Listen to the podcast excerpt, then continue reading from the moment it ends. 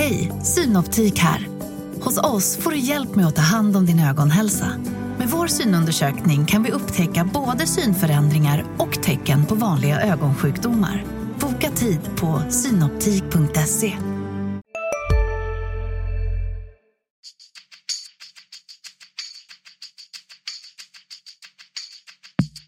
Skönt att komma ut och eh, bara lukta gräset. Så det, är, det är fotboll för mig.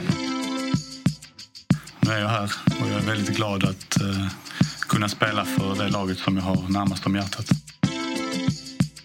Om att skapa tro, om att tro på det vi gör, jobba vidare. Och vi ska vara ut där och så vi leverera. Och det ska vi göra. Basta. Välkomna tillbaka till MFF-podden. Det här är avsnitt nummer 243. Jag heter Fredrik Hedenskog. Jag har sällskap av Max Wiman och Kent Leon Jönsson. Hejsan på er! Hejsan hejsan! Goddag goddag! Det blir eh, kort mellan avsnitten här men eh, så kan det vara ibland. Det är eh, sällan något negativt. Vi kan, innebär om inte annat att vi kan korta ner tiden lite.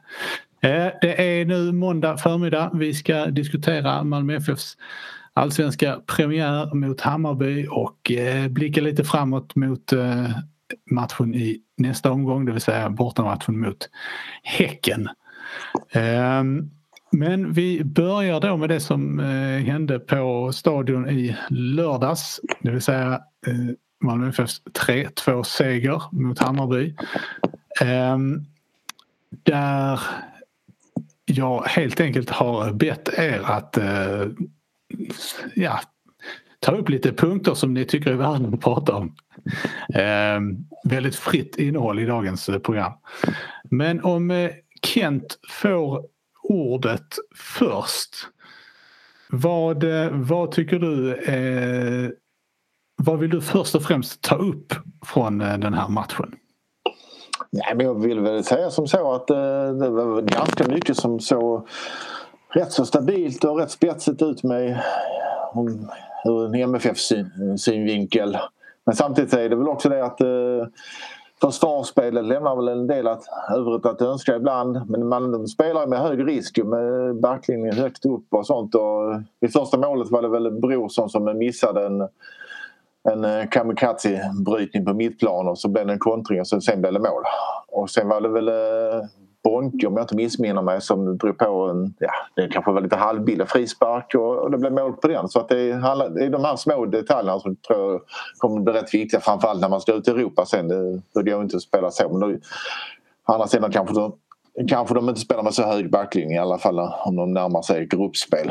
Men eh, Sen tyckte jag framåt så såg Colak eh, ser ju ut som en väldigt välutbildad anfallare som kan rätt mycket.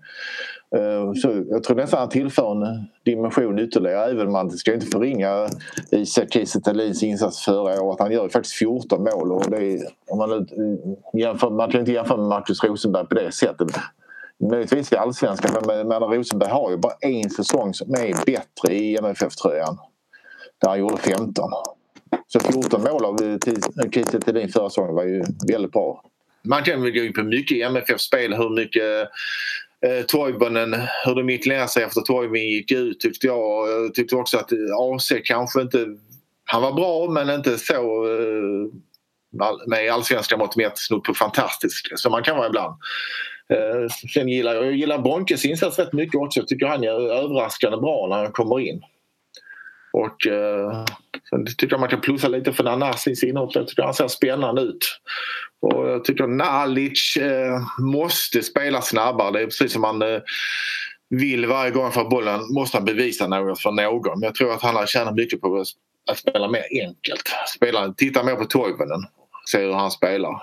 Där det går undan liksom i tanke och handling. Ja men Max, Max då är vi ju klara. Ja, det kändes som att jag alltihopa på en gång. Jag vet inte var punkterna blev men... Nej, men jag var om vi, om vi, igenom allt. Jag tror det var...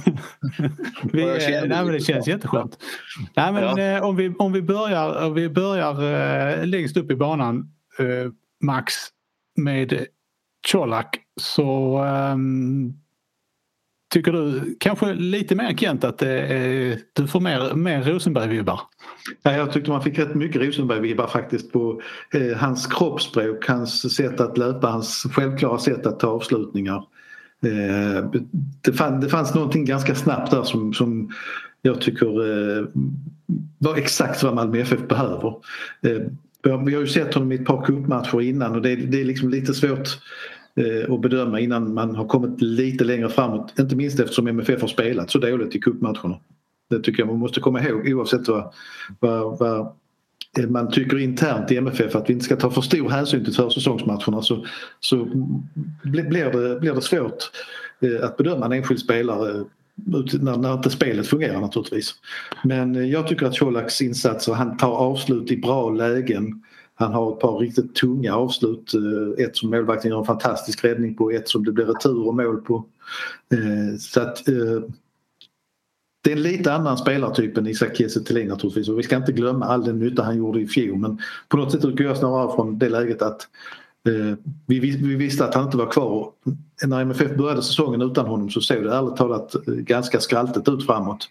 Eh, nu har man fått en ny dimension och jag tror att eh, målen kommer att komma mycket snart för honom tror jag också.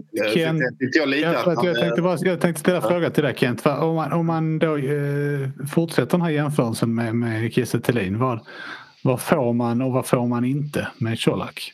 Jag tror man får mycket mer komplett spelare, mer komplett anfallare som kan mer. Han kan springa i djupled, han kan ta emot bollen felvänd.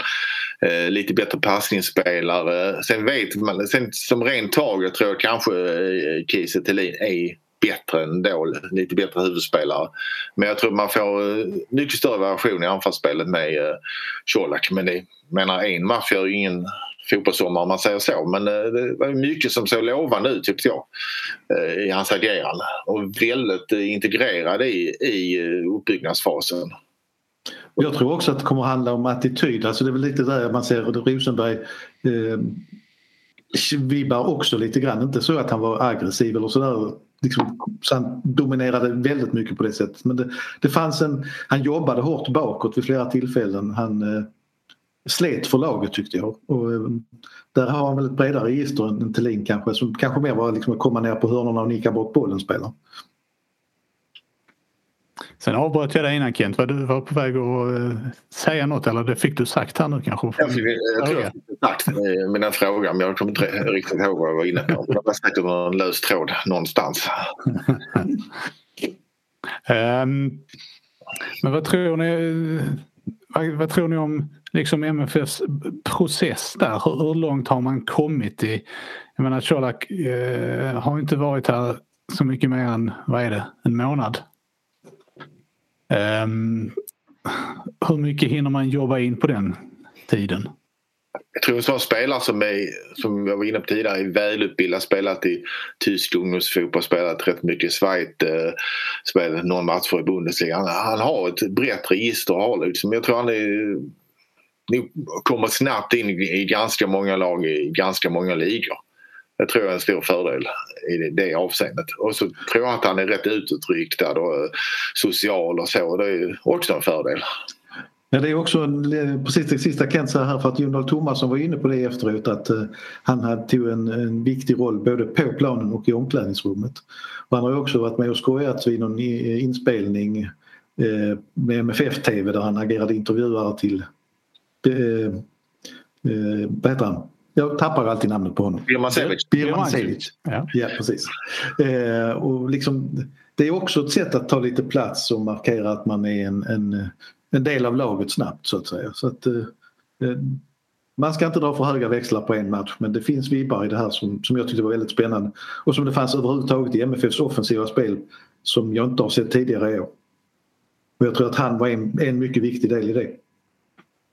Nej, det kändes ju verkligen som de växlade upp. Sen, sen vet man inte, det är ju massa faktorer som påverkar hur man förstod att de i Hammarbylägret ville ju anföra det här med corona och sånt men de har ju trots allt spelat två matcher efter det här coronautbrottet.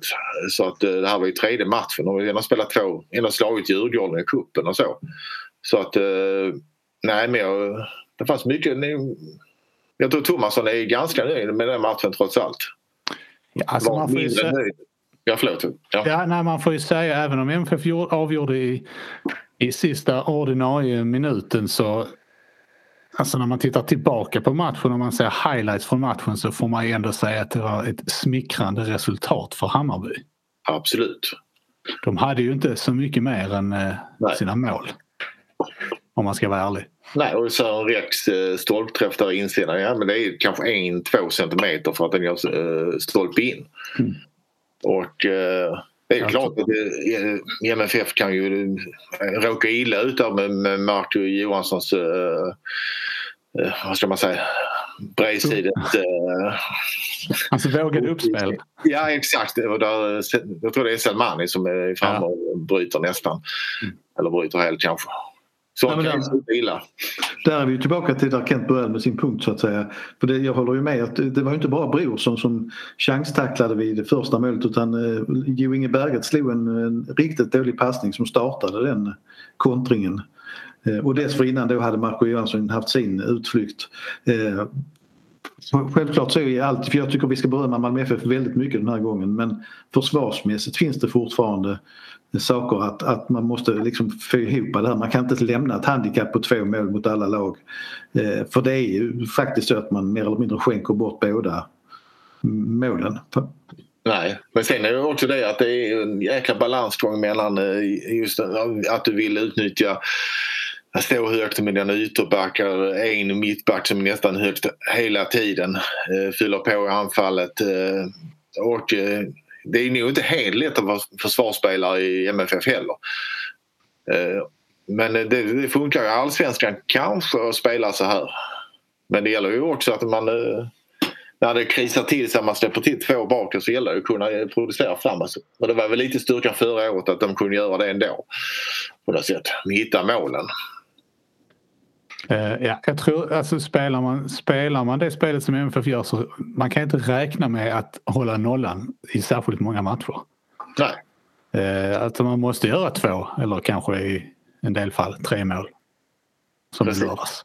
Där tangerar vi en punkt som jag tänkte ta upp. Jag vet inte om man bara kan glida över för Kent har nämnt honom redan. Jag, tror, jag tror att eh, MFFs uh, seger på sitt sätt säkrades, det låter dumt, när Erdal Rakip kände sig krasslig och Bonke Innocent fick kliva in.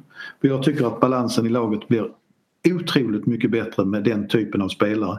Sen, eh, en, alltså Rakip är ju en helt annan spelartyp. Ja. Eh, och jag tror att de behöver den här spelaren framför backlinjen som, som eh, sorterar och stoppar och eh, i vanlig ordning tar ett kort efter inga minuter ja, alls. Det är ju bra om man undviker varningar i sjunde minuten, i sjunde minuten utanför offensivt straffområde. Ja, jag skulle... helt och hållet Max där också att mellan de behöver det blir mycket bättre balans ja, Levicki kanske är det bästa alternativet där men jag tror till och med att det hade blivit bättre balans balans med Vagic. Yeah. Om inte hade kunnat spela. Men... Nej, jag, jag trodde faktiskt Vagic skulle få chansen där. Men, men det, sen är det ju ett, Bonka är ju ett, ett vad ska vi säga, ett, eh, han är ju en gåta i sig själv för att han har ju inte, gjorde inte mycket väsens av sig i höstas. Eh, han har varit skadad nu mycket och varit, det har inte känts som att han varit aktuell nästan alls. Och han, jag tycker att han gör en riktigt bra match denna gången faktiskt. Ja det gör han absolut. En av hans eh, överraskande bra skulle jag säga men han hade väl också en virussjukdom förra hösten. Där och, ja, det, men han har ju varit så hela tiden, har ju varit i Malmö ganska länge nu. Ja, och liksom- framförallt var hans passningsspel mycket bättre tyckte jag än ja. det brukar vara. Han brukar, han brukar... Koncentrationen brukar tappas. Precis, han brukar skicka upp bollar på läktaren men mycket bättre passningsspel och bortsett från varningen mycket mer disciplinerad. Ja. Jag har ju, eh, känner mig lite tjatig när jag säger detta men det är ju det, har, det är ju liksom mot motståndare av den här typen, motståndare som ändå är lite intresserade av att spela fotboll. Det är ju där, det är där Bonke Innocent tillför någonting i MFF. Eh, det har ju hänt under tidigare tränare att han i princip eh, fick sina chanser eh, i hemmamatcher där MFF hade 80 procents bollinnehav. Det är ju inte där han det är inte där han gör nytta liksom. Nej, jag böjer honom med. Man måste, det är hans destruktiva förmåga som är den, hans bästa förmåga trots allt. Jag håller också helt med. Det handlar om att balansera laget på rätt sätt mot rätt motstånd så att säga. Och, eh, I vissa matcher där MFF hade haft oerhört mycket bollinnehav tidigare så har man ju spelat med både typ Lewicki och Bonka, alltså två väldigt sittande mittfältare. Och det, det, jag, jag tror att MFF för att ta nästa steg måste anpassa sitt spel eh, Alltså egentligen inte efter motståndaren men efter motståndarens sätt att spela på ett tydligare sätt eh, kanske än vad man har gjort. Även i Eh, om, Även i Allsvenskan. om vi stannar kvar i offensiven för jag tycker det finns ju all anledning att återkomma till defensiven men det kan vi göra lite senare. Kent, du nämnde i början här eh, Toivonens påverkan på matchen eller kanske framförallt Toivonens eh, påverkan av Toivonens frånvaro när han gick ut. Vad, vad var det som hände där när, när eh, den här eh, liksom sviterna av eh, smällen i ansiktet som han fick i första halvlek tvingade honom att gå ut i början av andra? Nej men det jag tror också, eh, just det här att mycket av det här snabba spelet försvinner. Han spelar på ett tillslag, har liksom blicken uppe hela tiden. Han skannar av ytorna på något sätt och han hittar vinklarna med passningar och så. Det, som jag tycker han är med allsvenska mått mätt väldigt, väldigt duktig på. Och han ser mycket mer alert ut tyckte jag. Nalic gillar jag till, till viss del som, som spelare men han gör lite för mycket ibland tyvärr för MFFs del och hans egen del. Om man ska ta det här och bli den, om man ska säga, om man kallar Toivonen för någon slags nummer 10 så, så tror jag att Nalic måste ta ett steg till. Måste spela mycket snabbare och mer distinkt. Än en gång så är vi ju väldigt överens Kent och jag måste jag säga. För det, det, eh, man kan väl säga att speluppfattning är det som skiljer dem åt. Toivonen ser spelet på ett annat sätt än vad Nalic gör. Nalic gör det ibland och han har det i sig men han, han överarbetar och, och det gjorde inte Toivonen alls mot Hammarby. Det var mycket kvicka beslut där. Mm.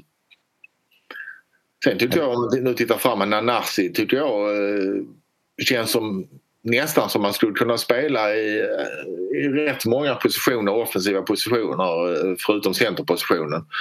Eh, han, jag tycker han har väldigt bra balans, eh, fin tyngdpunkt, eh, läser spelet jättebra, eh, väldigt bra på små ytor.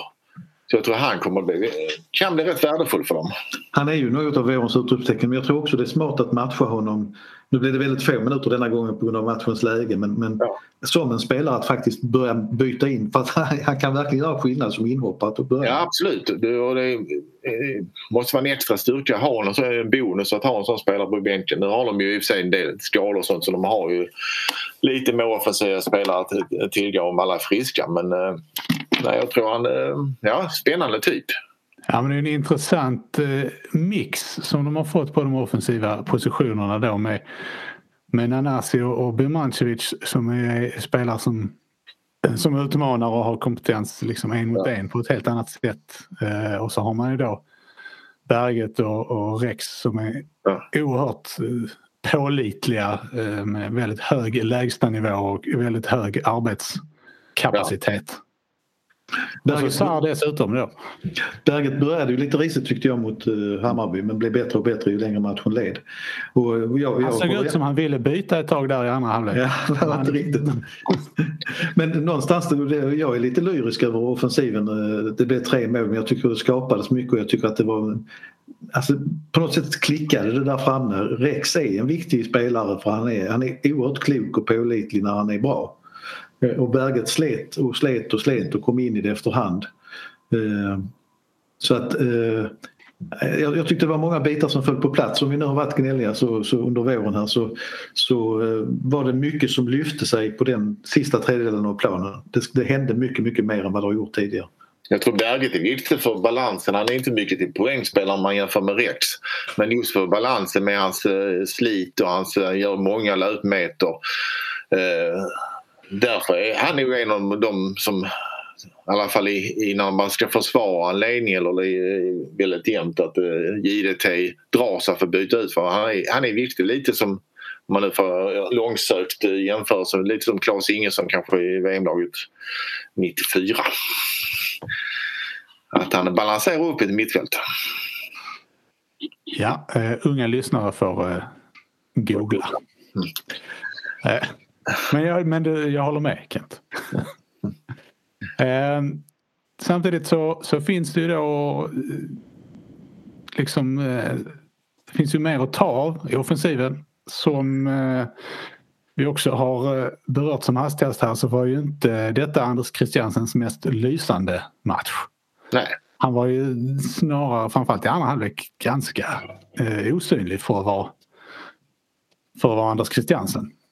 Absolut. Men jag tycker ändå det var ett steg framåt jämfört med tidigare vad vi har sett under våren här. Och, eh, jag tror att han kommer att steppa upp ännu mer faktiskt. Han, han tog mycket ansvar den här gången. Han, det var ju inga dumheter. Inga, jag tycker det fanns en hel del situationer där man skulle kunna ifrågasätta domare Al-Hakim faktiskt. Men Christiansen höll sig lugn mm. och han tog ansvar för straffen. Han berättade ju efteråt att det var han som bestämde vem som ska slå straffarna. Ja. Och det, det sa han med sån tydlighet så att jag tror på honom.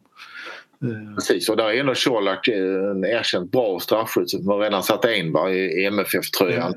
Mm. Eh, och sen var det Sen med lite flyt så hade väl eh, Hammarby-målvakten kunnat eh, knipa den.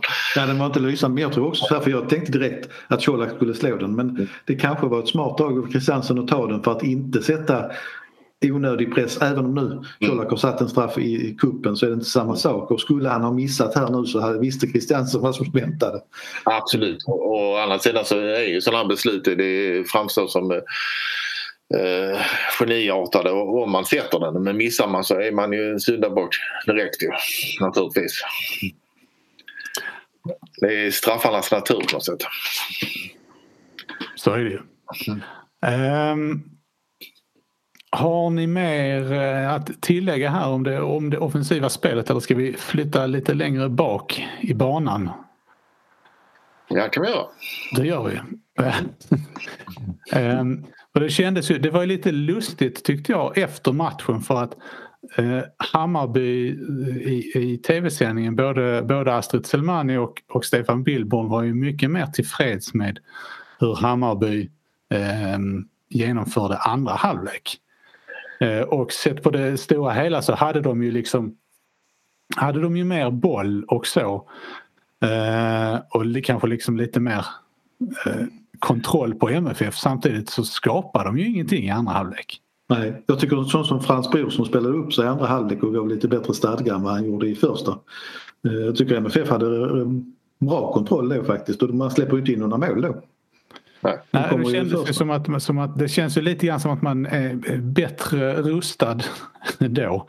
Alltså försvarsspelet klickar mycket bättre när man, när man liksom hinner när man hinner ta sina positioner och, och utgå från dem. Mm. Mm.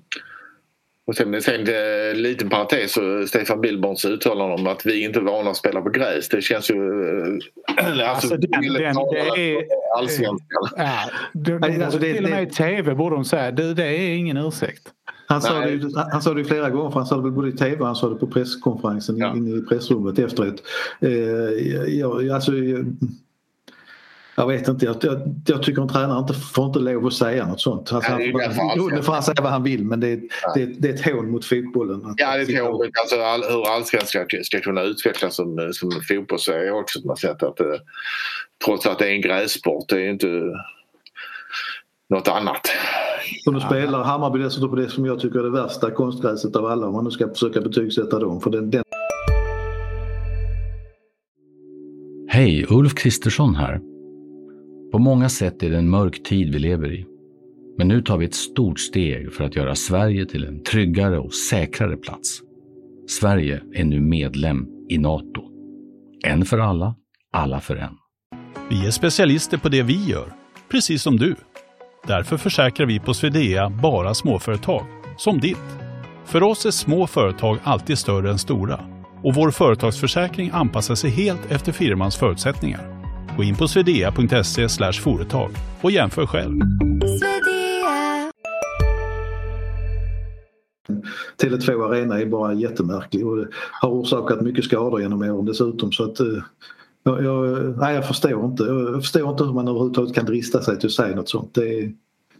Nej, och, eh, men i och för sig, men jag såg, eh, ja vi kommer in på Häcken sen så vi kan ta det sen. Men ja, Fortsätt. Fortsätt. Um, jag vet inte om ni såg någonting, eh, från, jag måste bara göra en avstickare, från Norrköping-Sirius eh, på söndagen. Eh, Nej, så det, var ju en, en, eh, det såg ut som en eh, halvskottad bandyplan som de spelade på. Alltså Ja, det jag såg en fa- fallande domare Wolf, han halkade ju och ramlade. Det är liksom eh, en, en, en, plastplan som det kommer snö på. Den, eh, alltså där, det töar ju inte lika fort som det gör på gräs. Nej.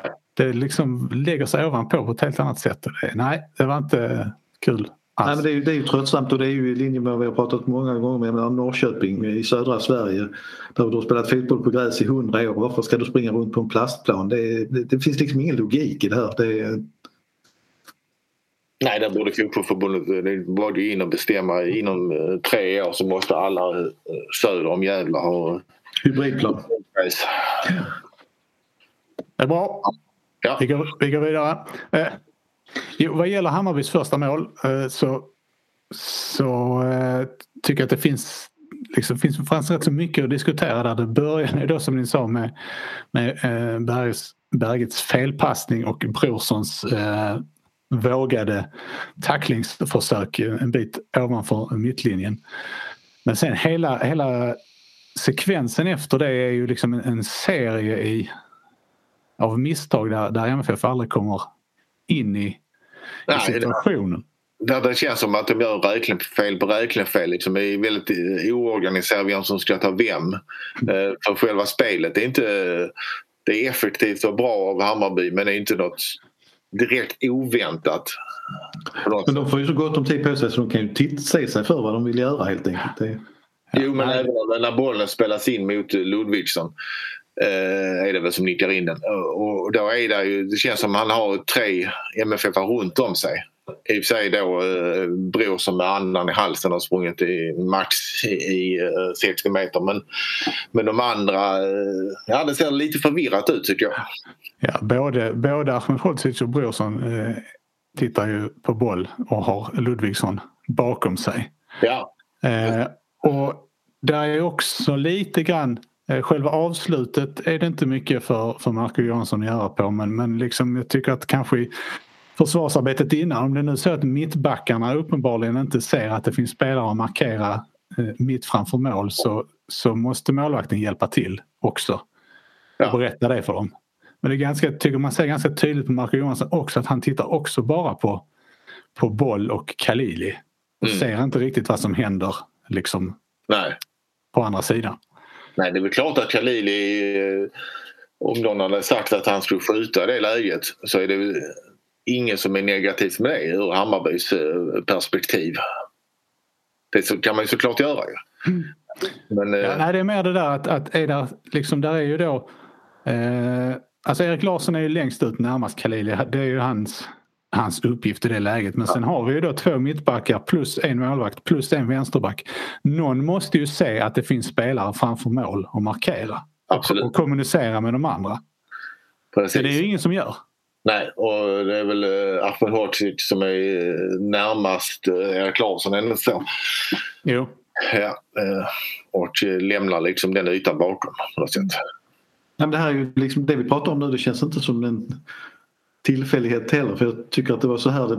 Den här typen av mål ställde MFF till en del i, Mm. i fjol också.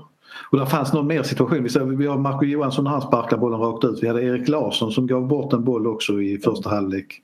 Så det blev en liknande kontring och Arnel blev väldigt arg på honom. Mm. Eh, Så att eh, på något sätt i allt positivt så måste MFF städa bort mer av de här misstagen.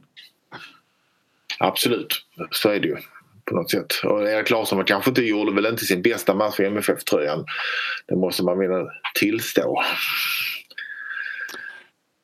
Um, sen uh, Hammarbys kvitteringsmål då. Um, så kändes det ju att alltså släppa in, även om det var en bra frispark, släppa in ett mål på uh, så många minuters övertid eh, före paus. Känns ju kanske som att man skulle kunna stänga till det och gå till, till vila med, med ledning. Absolut, det tycker jag också. Man kan väl kanske säga att frisparken var lite halvbillig men man ska inte sätta sig riskera liksom den här frisparken precis utanför eh, straffområdeslinjen på något sätt. sen är det en väldigt bra frispark. Men ja, det, är, det gäller ju det här att täta till. Eh, det är som man brukar säga första tio och sen, sen runt, eh, runt pausvilan och avslutningen med matchen. Det är, där, det är oftast där man måste vara som bäst. Eh, alltså den här Amo är ju väldigt kvick och väldigt duktig spelare på många sätt och vis men det, det kändes lite lite onödigt ändå för det var så många MFF runt omkring och man verkligen behövde ta frisparken där, jag vet inte. Men jag, jag hade ju satt upp en annan punkt i det sammanhanget som, som uppmärksammades via sociala medier som jag tycker är intressant och det är eh, tv-bilder med markering visar ännu en gång att domaren i det här fallet Mohammed Al-Hakim eh, mäter upp ett helt felaktigt avstånd. Mm. Det är alltså minst en meter, jag skulle vilja säga att det är mer än en meter fel dit muren står och i det läget där den frisparken är, är det här väldigt avgörande. Eh, och det är, alltså, det, fotbollen ska inte vara en exakt vetenskap men, men ni minns när Sebastian Larsson fick 11 meter mot MFF en gång på en frispark på Stockholm. Man måste komma till rätta med de här grejerna och vara noggrannare i de situationerna tycker jag som är så pass nära målet. Eh, jag, eh, jag tycker man ska kunna diskutera domarens insatser också generellt utan att gnälla och skälla på dem. Jag, jag tyckte att det var ett misstag av Hakim att han inte gjorde det bättre. Jag tyckte att han hade lite svårt att hitta rätt nivå i den här matchen också. Det var ganska mycket eh, halvfulla smällar och den här situationen där Toivonen blir skadad blir inte ens varning. Eh, och det kändes som att han hade behövt markera lite mer eh, tidigare. Mm. Eh, så att, nu var det premiär för honom också, det ska man också komma ihåg. Eh, och det är ingen lätt match eh, att börja med. Mäta avstånd tror jag det är eh, såvida inte de kommer att köra med lasermätare och sånt. Det, det är ju alltid liksom lite, det diffar alltid på en meter hit eller dit känns det som. Det är väldigt få domare som träffar helt rätt. Alltså det är ju ingen som kan begära att du ska träffa helt rätt utan tekniska hjälpmedel. Men det här, det här, men det här, här blev det när det är så nära strafflinjen så, så blir det mer ja. avgörande på något sätt. Alltså det är ju någon, Sören Rex tror jag det är, är väl som touchar bollen eh, på vägen och det är klart att hade han stått en meter närmare så eh, är det ju mycket möjligt att den eh, touchen hade styrt bort bollen från målet istället. Mm. Sen kan man, tycker jag generellt, eh, om domaren nu ska placera muren fel så är det ju eh, för fotbollen roligare att den placeras för långt ifrån än för nära. För nära ja, absolut. Sen är det ju fortfarande så, det var ju en bra frispark men eh, det känns ju som MFF lite för ofta ställs i problem vid just den här frisparken. Mm. Johan Dahlin har ju också haft bekymmer med att det inte var i närheten av... Ja, det var, det, var, det var en väldigt påtaglig känsla av att det skulle bli mål faktiskt. Ja. Det är oftast väldigt eh, gapar tomt liksom. Man ser att här är mycket att skjuta på. Men sen å andra sidan, ja, frisparksavstånd hit eller dit. Det enda MFF kan påverka är försvarsarbetet vad de själva gör så de inte orsakar någon frispark. Ja, precis. Och grejen är när jag pratar om det här med, vi tycker det är viktigt att när jag pratar om det här med avstånd så handlar det inte om att oh, det här blev ett mål mot Malmö FF som kanske var lite orättvist eh, på grund av att de stegade fel utan det är ju en, en, en utgångspunkt till en generell diskussion om att det är viktigt att det blir så rätt som möjligt och hur gör man det på bästa sätt. Mm. Det finns de som föreslår laserpekare. Det säger ja, jag. Ja, men det, vi hamnar ju säkert där om, eh, inom tio år så har ju säkert domaren någon, eh, någon laserpekare i pannan eller, eller något sånt. Liksom. Så, man vet ju inte. Det är ju inte det enskilda målet som är intressant utan det är ju Företeelsen. det generella. Ja. ja. Nej, det är sant. Det är sant. Eh, nu, hörni, nu har vi pratat ganska länge utan att överhuvudtaget nämna eh, Jonas Knudsens sensationella avslut. Um, för det var ett mål eh, att prata om. Absolut, det var ju, men jag tror faktiskt att han, han äh, låter kanske lite dumt att han var lite hjälpt av att han var på väg att tappa balansen i, i den här närkampen med, tror det var Rodic. Mm. Så han stapplar upp och så, ja vad kan jag göra? Det är träffa liksom eh, den här vad blir det, vänster yttersida och får den här sköna som jag sa i något tidigare sammanhang, eh, träffen som man, det känns som man träffar en ballong. Liksom. Bollen känns så oerhört rätt. Alltså det är, handlar om tiondels sekunder, tiondels eh, träffyta och allting bara stämmer. Men det är någonting med, eh, det är lite grann en sån skolboksavslutning om man uttrycker det så. Just det där att behärska sig, att inte dra på allt vad man kan. Och, eh, man kanske inte hade möjlighet att göra det i detta läget för det var ett lite knepigt läge men, men det, det, det gäller ju att träffa målet och träffa målet på ett smart sätt. Ja, han kan gå ut och skjuta 10 000 sådana på uh, träningsplaner han kommer inte träffa kryss. Nej, nej. Däremot så kändes det, nej målet är ju sin, det är ju liksom som ni säger en på eh, 10 000 kanske. Men, men att han kommer fram, att han är i det läget kändes inte som någon slump för jag tyckte att han var generellt under matchen eh, offensiv, offensivt in, inblandad på ett sätt som vi inte har sett sådär jättemycket från hans sida tidigare. Nej, men alltså han, ibland kommer en spelare i zonen och jag tycker att han var i zonen igår så det var ingen, eller i, nu i helgen. Så det var ingen överraskning att han satte den. Minns ni när Anton Tinnerholm gjorde rätt, all, allting rätt mot Elfsborg i en match? Eh, alltså ibland så, så har man den där tajmingen och känslan och då, då gör man kanske rätt även i sådana här lite svårare lägen också. Jag, jag tycker det var hans bästa match eh, kanske överhuvudtaget i MFF. Nej, men han är väl rätt på lite vänsterback, rätt aggressiv och kommer ju hela tiden i sina löpningar. Och sen var han, var han ju väldigt, vad ska man säga, offensivt aggressiv. Liksom i, bröt ju högt uppe låg liksom, och gjorde glidtacklingar, låg och simmade liksom, ute vid eh, hörnflaggan och stoppade upp eh, tidiga kontringar och sånt. Eh. Sen kanske också det att han har fått en annan... Uh, han har ju noll konkurrens känns det som på den positionen. Jag vet inte riktigt vad de gör om han skulle gå och skada sig. Men känns det, det finns inte så jättemånga givna alternativ som skulle kunna gå in och göra samma jobb i alla fall.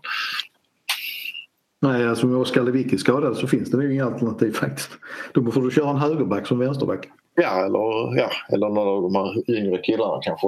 Ja. Ja. Ja. Eh, om vi då skulle ta och blicka lite framåt så väntar ju alltså Häcken härnäst för MFF. Eh, den eh, Häckens match mot Halmstad har jag inte sett mer än eh, ett fem minuters sammandrag.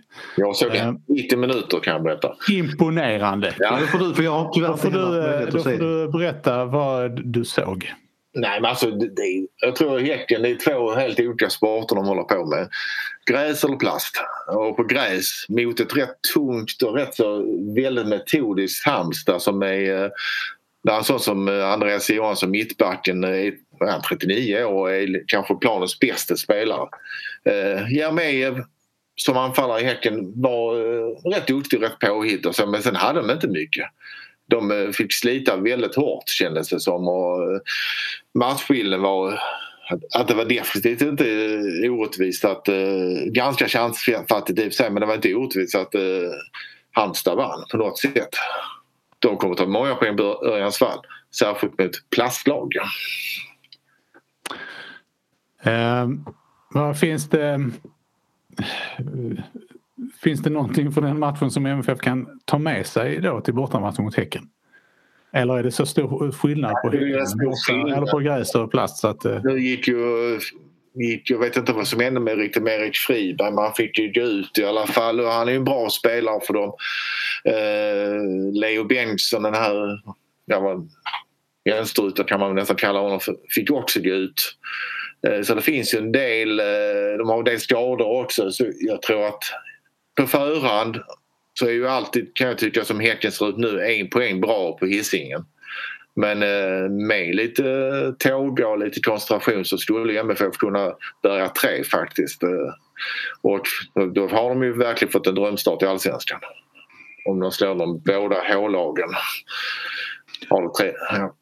Ja, de måste ju ha ett större fokus i försvarsspelet mot Häcken där uppe. Ja, det måste. Det, det är helt avgörande om de ska ska kunna lyckas. Eh, alltså jag håller med att i grunden är ju en poäng mer än godkänt där uppe.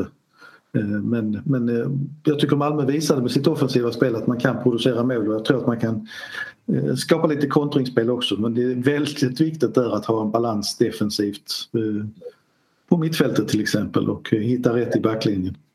Ja, det blir, alltså jag tror Jeremejeff blir den svåra knuten som både är...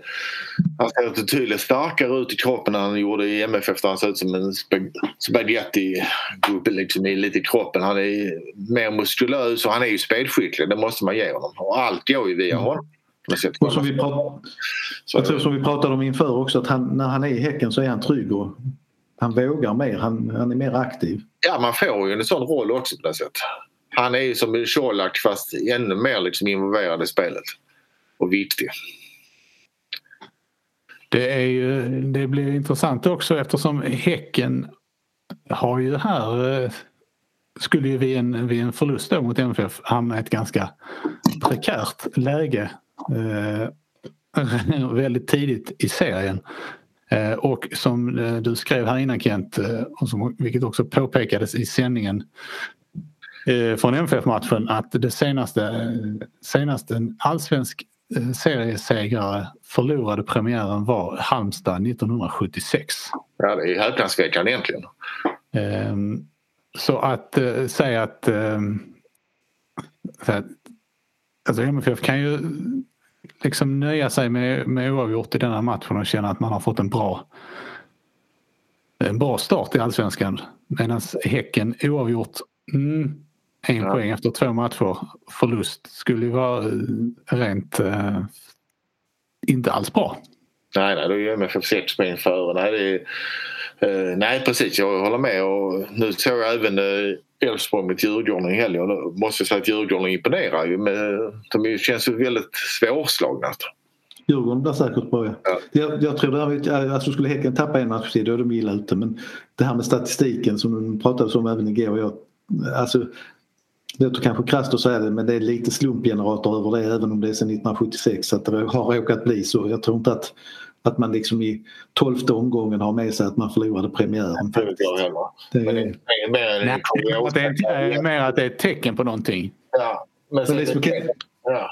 Det som kan säga det är mer... Guld så krävs det något extra liksom, med tanke på deras vinnarkultur. Aldrig vunnit tidigare. Så det kanske de ställer alltid liksom på, på höjd. Alltså, jag tänker att man kan, man kan ju jämföra eh, med en del MFF-premiärer.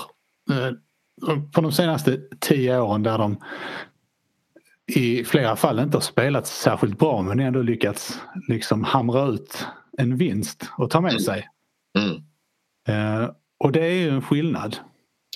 Det tror jag är en skillnad. Jag tror att Häcken hade behövt kanske det här krysset 0-0 med eh, Halmstad borta. Vad är det? Vad har de? 6-7 matcher på gräs eller något i den stilen. Eh, så att de kanske behöver snitta en poäng per match om de nu går liksom väldigt bra på hemmaplan på de andra plastmatcherna. Men eh, det ingick kanske inte i deras eh, beräkningar att de skulle förlora premiär mot en nykomling trots allt. Sen är det ju typiskt nykomling på hemmaplan i premiär. Ja, gör ofta bra insatser. Ja, men ändå så har ju han, Halmstad ganska, man tänker sig de har Mikael, Mikael Boman kom in och avgjorde men han hoppade in. Eh, men de, de avslutar matchen med Antonsson och, och Boman på topp. Det är ju, hade nog många allsvenska klubbar tagit rakt av som ett anfallspar. Hur var Marcus Antonsson generellt? Ja, sådär. Jag, jag fick väl inte den här riktiga assistansen och Nej, han var inte superskarp, det kan jag inte säga. Då, då ljuger jag. Men han, han kommer att göra sina mål. Göra? Nej, han kommer nog göra sina mål men han var inte... De fick en annan tyngd när Boman kom in på slutet. Sen är det en massa faktorer som påverkar som alltid. Hur eh, kommer det då... Jag tänkte på MFF och eh, eftersom vi pratar om Häcken och skador. MFFs läge här det är ju Toivonens, eh, Toivonens skada lät ju inte som det var något, något långvarigt. Mest en svullnad över ögat. Ja, jag trodde först det var en hjärnskakning men det verkar inte vara det så att uh, han är nog med. Uh, I övrigt så hände det inte sådär men ja, det var ju Rakip som blev sjuk då förra match. Ja. Och Brorsing föll ut också mot slutet. Ja, Brorsing var, det var lite känningar i lår och sånt där tror jag. Ja. Så att jag blir inte förvånad om Nilsson startar där istället eftersom det är plastmatch. Okej det är en hel vecka dit men, men eh, jag blir inte förvånad om Nilsson startar. Nej. Alltså, Nej, sen är det nog inte om de, intressant att se om de fortsätter om Rakip skulle vara frisk men det är han kanske inte om man tvingas avbryta uppvärmningen. Kanske bara säkerhetsskäl men eh, då är det väl Bonke, samma mittfält misstänker jag. Ja, vore jag tränare skulle jag inte peta in Rakip i den bortamatchen i det här Nej. läget. Här gäller det att ha ett säkerhetslås känns det som. Nej, det är väl väldigt mycket som talar för, med undantag för, för den ena mittbacksplatsen då kanske, att det blir samma Ja. Ja. Och det bör kanske bli det också trots allt. För där har du också att även om Birmancevic skulle vara klar så att säga så får du ett större defensivt jobb tror jag av Sören Rex Ja, på den så- kanten. Eh, ja, förlåt Kent. Nej, det var inget. Jag håller med bara. Ja. Jag tänkte bara innan vi avslutar eh, fråga hur det kommer att gå i den här matchen. Oj då. Jag kan, jag kan börja säga att eh, ett 1-1 har varit ett oerhört gångbart resultat mellan eh, Häcken och Malmö FF på Hisingen. Så jag, ja, Visst ledde jag tror på det. de 1-0 och sen blev det 1-1, var det inte så? Ja. Och nej, det ligger ju nära till hands. 1-1, 2-2, 0-0. Det är ju de resultaten. Jag skulle nog spontant säga 2-2. Ja, 0-0 känns inte så sannolikt. Men, eh, men det gäller ju också att eh, Ja, på något sätt kan jag tycka att det kan vara ett utmärkt läge att möta Häcken när man har själv har vunnit sin premiär. De har förlorat sin och de kommer säkert eh, gå framåt kanske lite mer än vad de egentligen vill från start. Jag tror också för Malmös, absolut Kent, men sen tror jag för Malmös del att det är viktigt att inte komma i underläge eh, Ja. i den här matchen. För då tror jag att Häcken kan eh, kanske slappna av en liten aning och, och spela sitt spel. Att Malmö behöver bestämma taktpinnen där ändå. Ja, men här kan man nog gynnas av att ligga lite lågt i början och känna på matchen och ta de chanserna som de kommer att bjuda på i sin ska man säga, iver att komma framåt i pla- planen. Vi är väldigt överens. Vad skönt. Då får det bli eh, slutord för den här gången. Vi återkommer eh, någon gång eh, i nästa vecka för att diskutera matchen mellan Häcken och MFF och för all del för att titta framåt mot eh, matchen som följer därefter, det vill säga MFF Östersund. Det här har varit avsnitt nummer 243 av MFF-podden där vi anser att konstgräs ska förbjudas i svensk elitfotboll. Jag heter Fredrik Hedenskog. Jag har haft sällskap av Max Wiman och Kent Leon Jönsson. Ansvarig utgivare är Jonas Kanje. Tack för oss. Hej hej! Hej,